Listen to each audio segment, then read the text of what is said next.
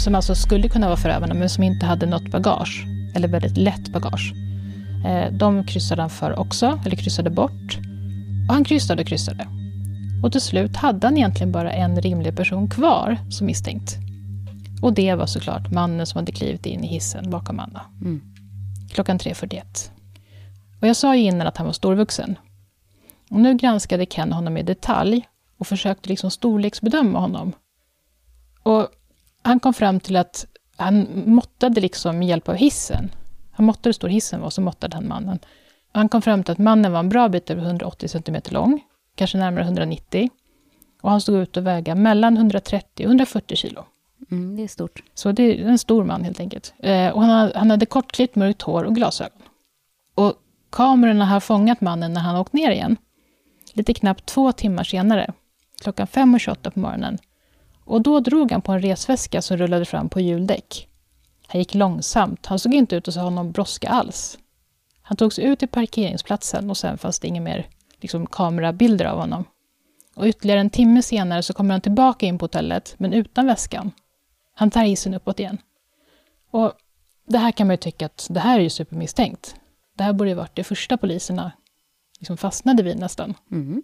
Men det var ett problem och det var därför han hade blivit avskriven. Den här väskan, den var alldeles för liten. Det var en sån här, som, en sån kabinväska som man kan stoppa uppe på flyget. Ja, ovanför. man kan ta med den som handbagage. Ja, som mm. handbagage. Så det är inte de stora liksom. Men återigen, Ken vill inte utesluta någonting. Så han mätte de olika dörröppningarna som mannen hade gått igenom med väskan. Eh, både vid hissen och vid utgången. Och han stannade liksom filmen precis när mannen rullade väskan genom varje öppning och så måttade han på olika sätt. Sen mätte han också golvets kakelplattor för att försöka liksom jämföra med djupet på väskan. Mm. Han var otroligt, liksom, måste mm. tagit jättemycket tid. Verkligen. Vem är det som betalar för allt det här? Det är ju försäkringsbolaget. Ah. Men han har också sagt att han fick ju inte alls betalt för all tid. Nej. Så han la ner så mycket med tid. Ja. Han var ju så engagerad. Och till slut hade han då fått fram en storlek som han trodde väskan var. Och då åkte han till närmaste varuhus och köpte en sån väska som var typ den storleken. Och den var fortfarande liten, men den var betydligt mycket större än vad den faktiskt såg ut på filmen. När han liksom hade lyckats få fram måtten. Mm. Ibland kan ju hur saker ser ut faktiskt inte riktigt stämma. Det kan vara, inte en synvilla, men ett annat perspektiv på något sätt. Mm. Och den här var större. Eh, och sen så letade han upp en kvinna, kanske någon av hans dotters kompisar eller dottern, som hade samma storlek som Anna. Och så fick hon krypa in i väskan. Och hon fick plats. Så Ken hade förmodligen då förövaren på bild. Och då hade han ju också ett signalement. Han visste dock inte vem det var. Jag är faktiskt fascinerad över sättet han jobbar på. Han är så otroligt liksom, metodisk och har sånt tålamod. Men det sista han gjorde i alla fall, som hade med väskan att göra, det var att han, han såg på filmen att han körde den i super slow motion och då såg han att när mannen gick ut ifrån hissen till liksom själva lobbyn så blir det som, ofta som en liten glipa mellan. Och där åkte väskan ner. Och då kunde han se väldigt svagt, men han såg ändå att mannen liksom fick rycka till. Ungefär som att väskan var tung, för att få upp den ur den här lilla, den här lilla glipan. Eh, vilket också var ytterligare ett bevis på att det var liksom inte kläder som låg i den väskan, utan det var något mycket tyngre. Det som slog Ken allra mest, det var kylan som mannen visade. Inte ens de mest kallhamrade mördare som Ken hade stött på under sina år som polis genomförde våldsbrott helt utan att påverkas. Men den här mannen, han stod lugnt i hissen på väg upp med vetskapen om vad han skulle göra med Anna. Och lika lugn var han när han spankulerade ut med väskan bakom sig.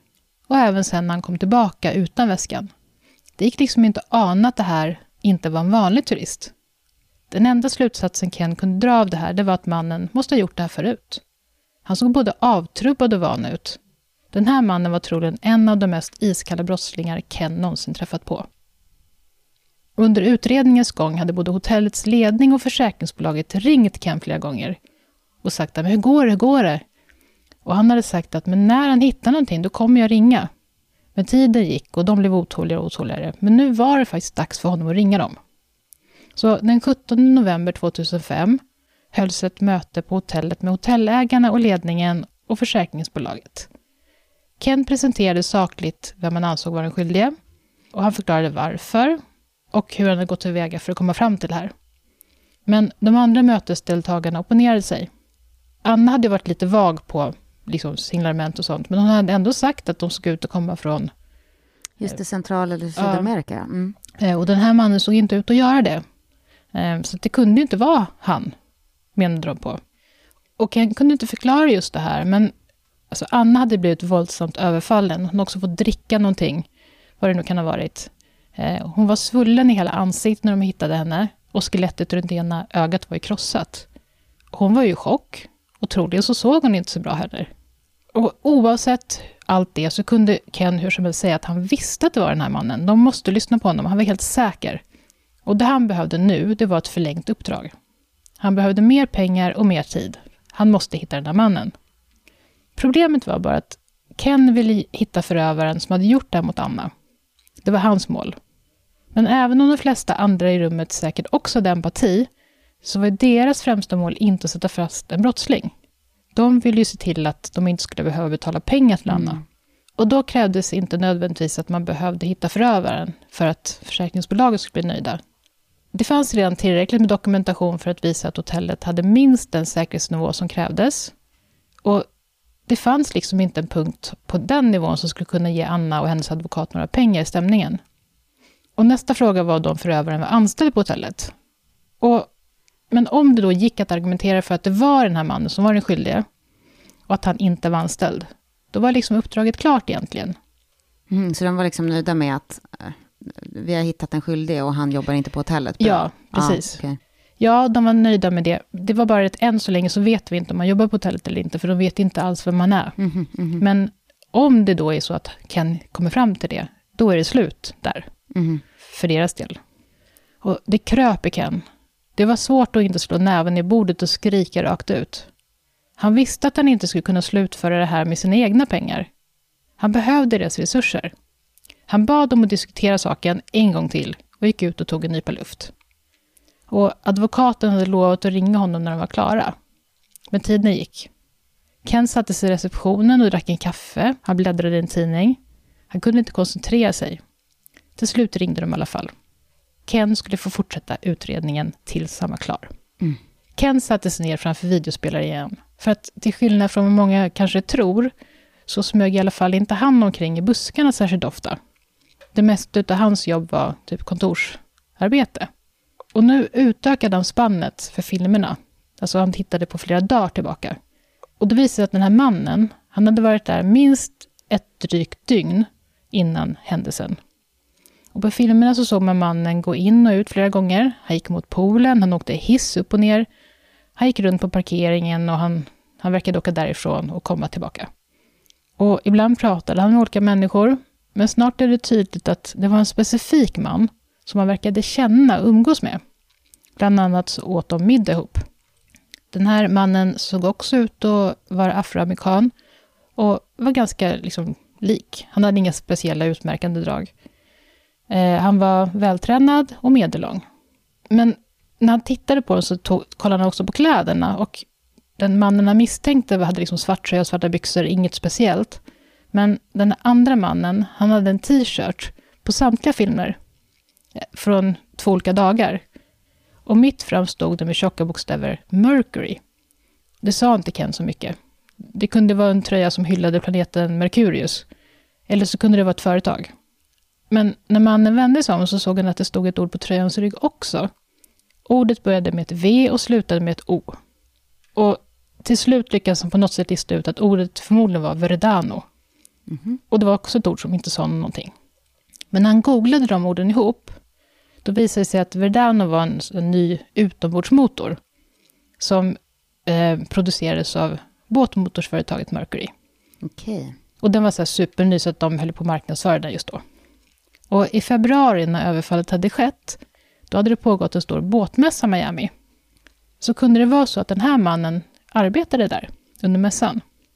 Och att tröjan var en del av hans mässklädsel. Det kanske var så att Mercurys mässpersonal faktiskt bodde på hotellet. Så Ken ringde den person som var säkerhetschef på Mercury. Ja, det visade sig i alla fall att den här mannen, ingen av de här männen liksom gick att de arbetade inte på Mercury de fick se bilder liksom från när kameran. Det var ingen som kände igen dem. Men däremot berättade de att de här t-shirtarna bars inte bara av de som jobbade med båtarna, utan även av de som jobbade på restaurangen.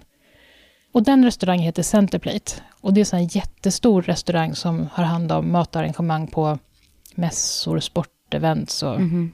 och 200 personer, vilket låter jättemycket, hade anlitats för att jobba vid just det här eventet, båtmässan. Och de hade bokats in på olika hotell runt om i Miami. Och ett av de hotellen var The Regency. Mm, nu närmar jag oss, ja, det som. Det är verkligen ett pusslande. Jag tycker att det, när jag läste om det var det väldigt intressant. Verkligen. Så nu pratar då Ken med eh, representanter för företaget eh, Centerplate, som släppte Mercury. Och när han pratade med några av de ordinarie anställda så sa de att ja, de kände igen man med det signalementet som hade jobbat på en, den här foodcourten. Men de visste inte vad han hette. Det var liksom ingen fast anställd. Och de hade aldrig pratat med honom. Men en person som varit anställd väldigt länge, då tyckte sig minnas att mannen första gången hade blivit anlitad vid ett sportevent i New Orleans. Att han var sån här som anlitades per gång, liksom, mm. inte fast anställd. Och mer exakt hade sporteventet hållits i en förort som heter Metrair. Och det verkade vara en god idé att åka dit, tyckte Ken, och prata med folk. Och visa foto på den här mannen. Kanske visste någon vem han var. Det verkar liksom som att det här företaget är så stort och de anlitar så mycket folk liksom som, ja, per timme liksom bara då utan att anställa dem. Så att de har lite dåligt med register, inga foton. Ja. Så han bestämde sig för att åka dit i alla fall, till New Orleans. Men det fanns ett problem. Det bodde inte längre någon, några i Metar. För att förorten var en av dem som hade evakuerats helt ett par månader tidigare när, när Hurricane Katrina hade dragit in. Men det fanns en annan väg, för det finns det alltid för Ken. Han hade en vän som var polis i New Orleans. Några år tidigare så hade Ken varit där på semester i stan. Och då av en slump sett en polis som hette Ernest Demma, som brottades med det som var någon typ av brottsling, förstod man, för han hade handklovar på sig. Och den här Ernest, han, höll liksom, han, hade, han hade hamnat i underläge. Men Ken med sin bakgrund som polis, han sprang rakt över vägen och kastades över brottslingen.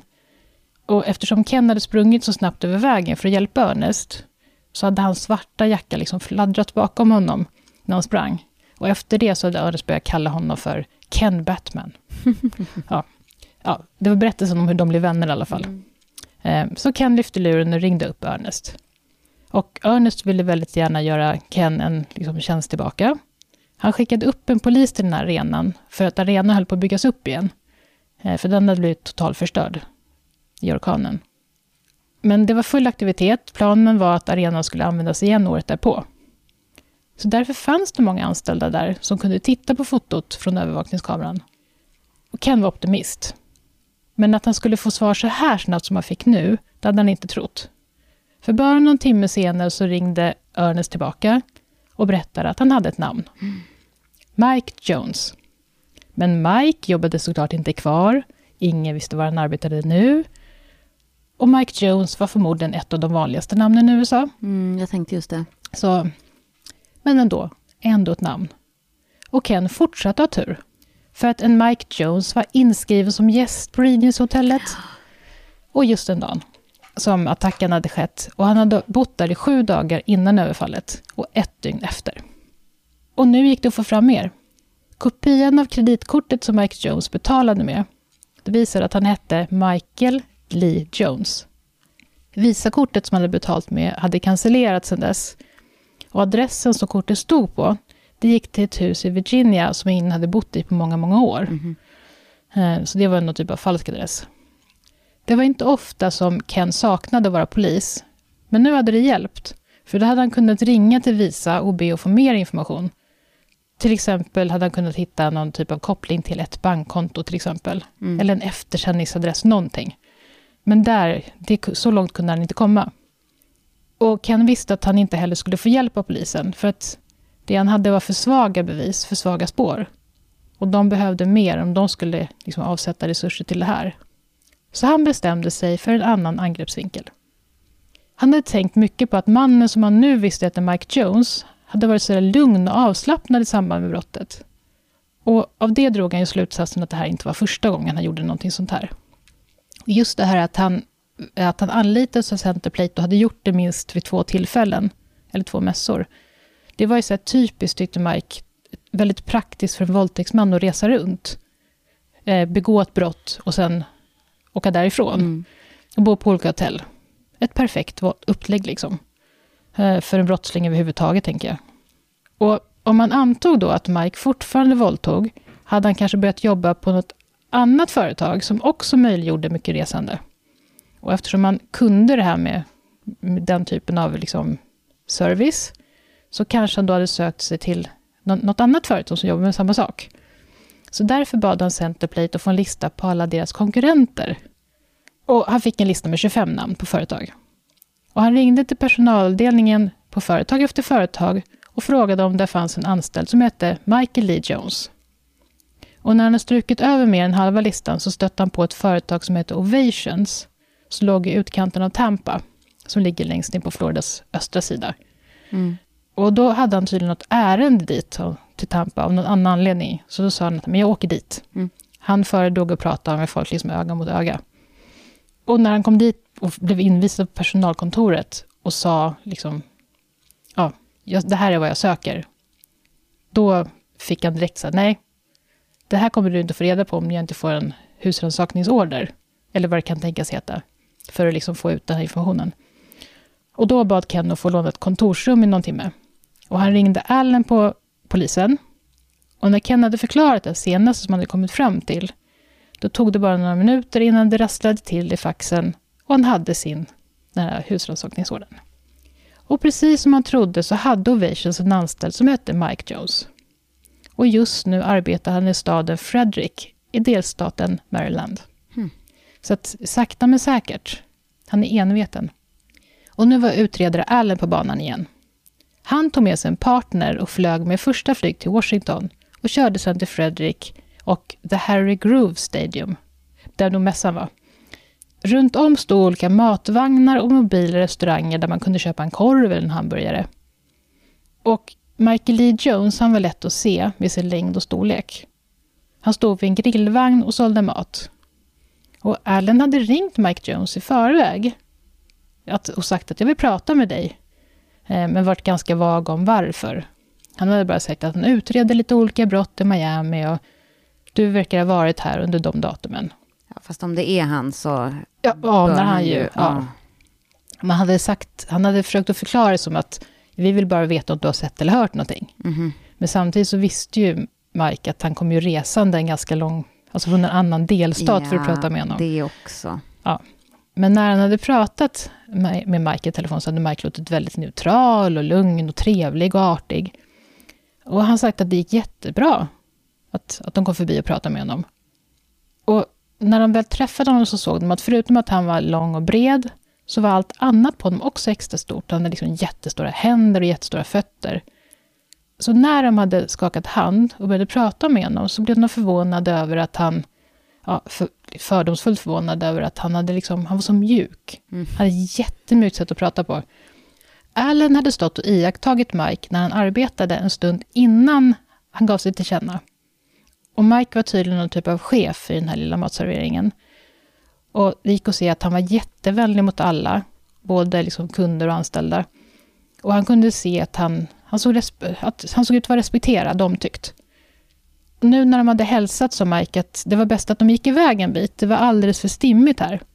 De tog sig utanför det där stadiumet till ett stort gräsområde där familjen troligen åt picknick på sommaren. Allen gick varsamt fram, men så småningom kom han fram till ämnet kvinnor. Hur det var att ha förhållanden och att dejta när man åkte runt och jobbade så mycket till exempel. Och Mike sa att han var inte intresserad av ett förhållande. Ja, men det hände ju att han träffade en kvinna ibland. Men ja, han gillade inte liksom dejting utan han ville ha sex, sa han rakt ut. Allen berättade att han utredde en våldtäkt. Eh, och då berättade Mike att men han hade träffat en kvinna i Miami. Men bara en gång och bara för att ha sex. Och märkligt nog lade han till, jag har bara sex med vita kvinnor. Oklart okay. var, varför han sa det, men ja. ja. Nu behövde frågorna bli mer specifika. Så då frågade Allen något, men den här kvinnan, bodde hon på The Airport Regency möjligen? Nej, nej, det gjorde han inte. Alltså han hade haft sex med en kvinna, men hon hade inte bott på det hotellet. Han var liksom undvikande, såklart. Och Allen frös att han skakade. Det var iskallt så här långt norrut, till skillnad från i Miami.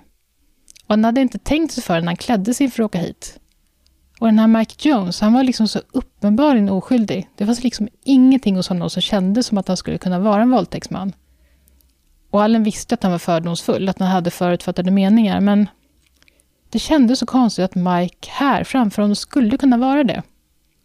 Och när han berättade mer specifikt om vad det var som hade hänt, då såg Mike helt chockad ut. Allen frågade om Mike skulle kunna tänka sig att lämna ett DNA-prov. Det var frivilligt. Mike svarade att det var såklart. Mm. Så testet togs med hjälp av det DNA-kit som Allen hade med sig. Och Mikes hand på pennan, han var tvungen att skriva på ett godkännande, var liksom helt ja, men lugn. Liksom. Mm. Så Allen tänkte bara att ja, men det här måste vara fel, Ken har tagit fel. Allen åkte tillbaka till Miami och ringde Ken och berättade nedslaget att de hade haft fel. Men de hade i alla fall gjort en DNA-test. Även om han inte trodde att det var han så hade de ett DNA som de skulle testa. Men det här var inte något som prioriterades. Eller så var det något som gick fel, eller så var köerna helt enkelt otroligt långa. Vilket det skulle kunna tänkas vara, för det här var ju 2005. Och då hade ju DNA blivit liksom riktigt användbart i kanske två år, någonting sånt. Mm. Och då kan jag tänka mig att det var ganska, ganska många gamla fall, med gamla liksom DNA-spår som testades nu, så det var jättemycket kö. Men jag vet inte. Men det tog i alla fall jättelång tid för det här provet att testas. Mm. Det var det jag skulle komma fram till. Det tog ganska många månader, det blev oktober 2006. Det hade gått ett år och åtta månader sedan Anna våldtogs och lämnades för att dö i Everglade. Och Allen flög upp till Maryland igen. Eh, för Mike jobbade fortfarande kvar där. Den här gången var han bättre klädd och han hade med sig fler kollegor. För träffen på DNA-provet hade med 100% säkerhet visat att det var Mike Jones som var den som hade våldtagit Anna. Alltså? Ja. Mike nekade till anklagelserna. Han hade inte våldtagit någon. Men sen när han fick veta att hans DNA-test hade matchat sperman i Annas kropp sa han att jo, just det, jag tog fel på hotell. Det var ju den här tjejen som jag träffade, men alltså vi hade bara sex. Och när han gick därifrån så levde hon. hon hade varit väldigt berusad, men utöver det så mådde hon hur bra som helst när han gick. då frågade Allen om väskan. Alltså varför hade Mike då lämnat hotellet jättetidigt på morgonen dagen innan han skulle åka? För han var där ytterligare ett dygn till mm. innan han checkade ut. Och sen kom han tillbaka utan väskan ett par timmar senare. Och då sa Mike att men det var inte så konstigt, för jag hade två väskor. Och jag ville liksom inte bära med mig två väskor sista dagen, utan jag gick och lämnade en väska med typ mina träningskläder som jag inte behövde mer, lämnade jag bilen dagen innan. Det var bara det, det var liksom inget Inget konstigare än så. Rimligt. Ja, det känns faktiskt rimligt. Det var tydligen några gamla basketskor och t-shirts, hade han sagt. Och då sa Ellen att ja, men det var ändå lite konstigt, för det var ju uppenbart att den här väskan var väldigt tung. Den kan inte ha innehållit bara liksom några skor och några t-shirts. Men då mindes Mike plötsligt att nej, det var ju inte kläder han hade haft i väskan. Det var ju en annan gång han hade haft en väska med kläder i. Nej, den här gången så var det ju böcker han hade haft i väskan. Just det, väskan var full med böcker. Och att han hade så många böcker just på resan, det var för att han älskade att läsa. Han läste faktiskt precis hela tiden. Alice sa att det var väldigt intressant. Han gillade också att läsa. Kanske kunde Mike tipsa om någon bok han hade läst, eller nämna någon bok han hade haft med sig på resan. Och när Mike inte kom på någon bok så bad Allen Mike att nämna ett par böcker, vilka som helst. Det kunde inte Mike heller. Mm.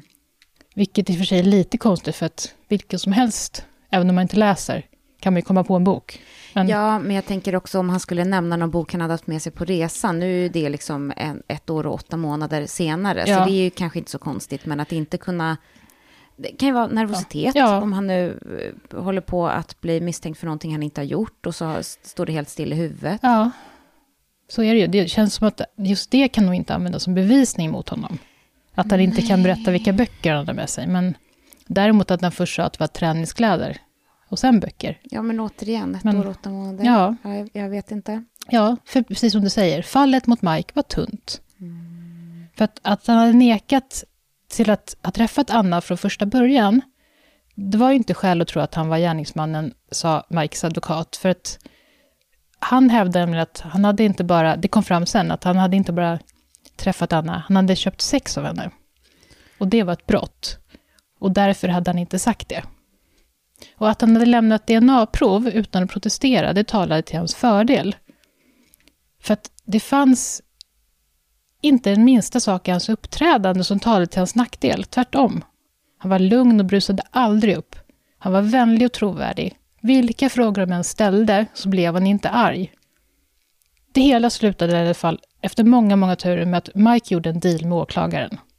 Han erkände sig skyldig för sexuellt ofredande mot att alla de andra åtalspunkterna ströks. Mordförsök. Och... Mordförsök, kidnappning, våldtäkt, grov misshandel. Han fick två år i fängelse. Och när jag läste om det här fallet första gången så tyckte jag att det var jätteintressant, just hur liksom Ken arbetade. Men sen kom ju den här antiklimaxen i slutet. Och jag var ju ganska säker då på att, att han är skyldig, att Mike är skyldig. Men han åkte inte dit. Han fick förvisso två år, men ja, det är ju ingenting. Nej. Så att han fick ett så kort straff, det är ett otroligt hemskt slut på den här berättelsen. Och därför är det tur att det här inte är slutet på berättelsen. Jag tänkte just det, snälla. Ja. För Ken Brennan hade ju aldrig tvekat. Mike Jones var ju inte bara våldtäktsman, han var ju en serievåldtäktsman, trodde han. I USA finns det ett system som heter CODIS, som betyder Combined DNA Index System.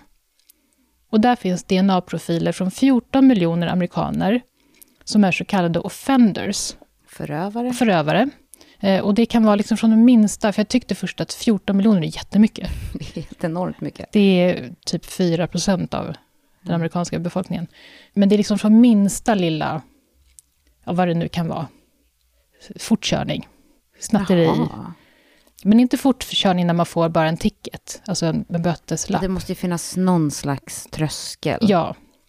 Och det här systemet, det sköts av FBI. Och när någon döms för ett brott så skickas DNA-prov till KODIS, där DNA då kan matchas mot olika andra fall. Och i september 2020, alltså för två månader sedan, då hade drygt 521 000 fall blivit lösta tack vare CODIS. Mm. Och även Mike Jones DNA skickades till CODIS. Att göra en matchning där är tidskrävande, eller det var i alla fall det då, det är 14 år sedan. Och nu kom det fram tre matchningar mot Mikes DNA efter några månader. Det visade sig att Michael Lee Jones hade lämnat ett DNA-spår efter sig på de platser han hade varit och arbetat. I Colorado Springs så hade en grov våldtäkt varit olöst sedan den skedde den 1 december 2005. Alltså nio månader efter att Anna hade hittats i Everglades. En blond och blåögd kvinna hade fått skjuts av en man som hon inte kände och som sen på något sätt hade övertalat henne att följa med henne hem. Kanske på ett glas vin eller bara för att prata. Hur som helst så blev hon våldtagen och mannen som hade gjort det hade varit stor, mörk och haft glasögon.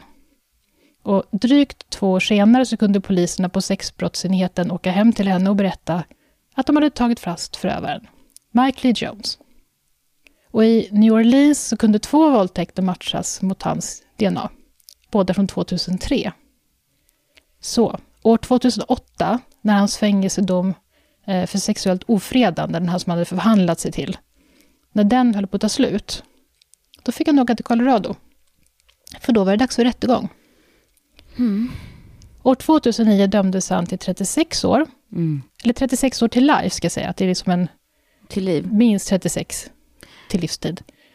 För den våldtäkten. Ja. Och sen år 2015, då dömdes han för våldtäkterna i New Orleans. Mm. Där fick han 45 år. Och det är också den första gången han är erkänt. Det är det enda han har erkänt. Mm. Mike Jones är idag 47 år gammal och sitter på Fremont Correctional Facility i Colorado. Och han har alltså 25 år kvar i Colorado. Men blir han släppt direkt efter det, han har ju minst 25 år, då kommer han alltså skickas till New Orleans för att avtjäna ytterligare 45 år. Mm. Nu har jag inte räknat ut vad det blir, men det är ju en bit, bra bit över 100. Anna har fått 300 000 dollar av The Regency Hotel i skadestånd. ett frivilligt skadestånd. Ah, okay. Ja, jag tänkte just det. Hon vann inte målet. Hon fick det, hon fick det ändå. Men Mike Jones, våldtäktsmannen, han kommer att dö i fängelse. Och det var berättelsen om Anna, som egentligen heter någonting annat än Anna. Mm.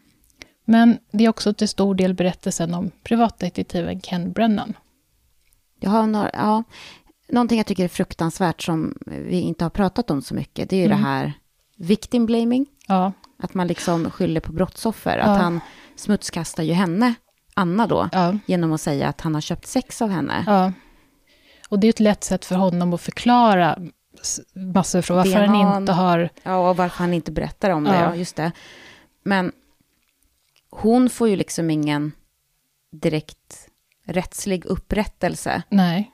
För det blev sexuellt ofredande, ja, hon men hon fick, nästan dog. Hon nästan dog, hon fick ingen upprättelse. Däremot en sak hon gjorde, och det sa inte jag, det var att hon vittnade på de andra rättegångarna. Mm.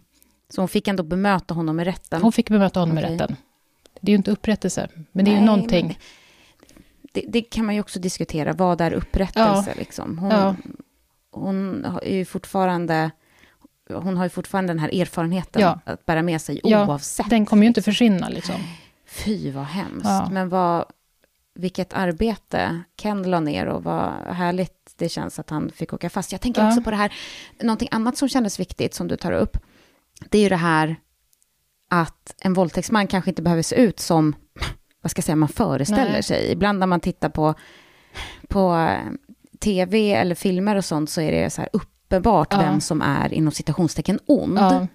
Och att man ska bete sig på ett visst sätt, mm. liksom på ett skumt sätt eller ja. se lite konstigt ut. Liksom. Men mm. det är klart att det, så behöver det inte vara. Nej. Och det känns också på något vis värdefullt att ta, ta upp det då. Verkligen. Och han som de först tyckte, han såg så stor ut och det är ju, det är farligt. Men han har ju så mild röst. Han har så mild röst och hans hand skakar inte ja. när han skriver under på att han, ja, han går med på att lämna DNA-prov. Mm. Och... Så att, ja, så är det verkligen. Man ska försöka att inte ha några fördomar alls. Nej, åt, åt inget håll egentligen. inte åt något håll. Och det finns det ju också historier om, alltså, också i verkliga brott, där det har varit liksom att nej men han som ser så bra ut, han behöver väl inte våldta någon, för han kan nej. väl få sex ändå, ungefär, ja. som att det har med det att ja, göra. Ja, för, ja, precis, för det är så fel på så många olika feltänkt. Ja. Ja, ja, det här är en hemsk historia. Det är det, men i och med att det också var en ganska stor del som handlar om just det här äh, arbetet, ja. så är det ju också gärna kanske, återigen när man tittar på film eller serier, att du vet, DNA-prov tar tre sekunder ja. att, att, äh, att kolla liksom. Ja. Men att det är också, man har kanske en romantiserad bild av hur, hur polisarbete går till.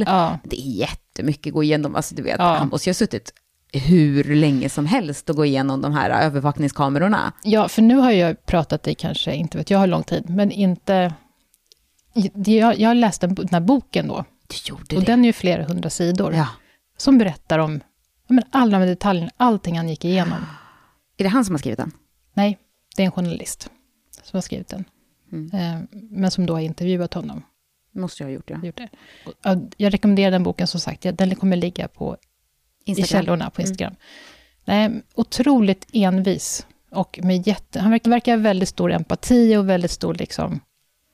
Ja, han vill lösa det här för, ja, i det här fallet, Annas skull. Rättspatos. Rättspatos. Och liksom, ja. ja man är jättetack... Alltså, så där tänker jag ju också, att vissa yrken är jag inte själv intresserad av överhuvudtaget. Man är väldigt tacksam att någon gör det. Ja. Eh, och nu är han som sagt han arbetar fortfarande som privatdetektiv. Ja. Men han får liksom, ja, han får de, ska man säga, ja, de här fallen som ingen annan klarar av, de får han ta mm, över. Han har fått det ryktet om sig nu. Lite så. Mm. Och han är ofta med i tv-soffor och så expert på olika.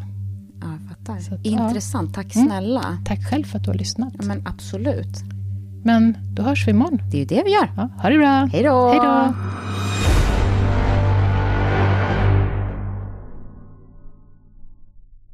Det är lustigt alltså. Det känns som att när, när man sitter och lyssnar mm. så har man ett mycket större behov än i vanliga fall att du parklar sig. Man bara... Det är som, det är som tics nästan. Att man, ja. ja.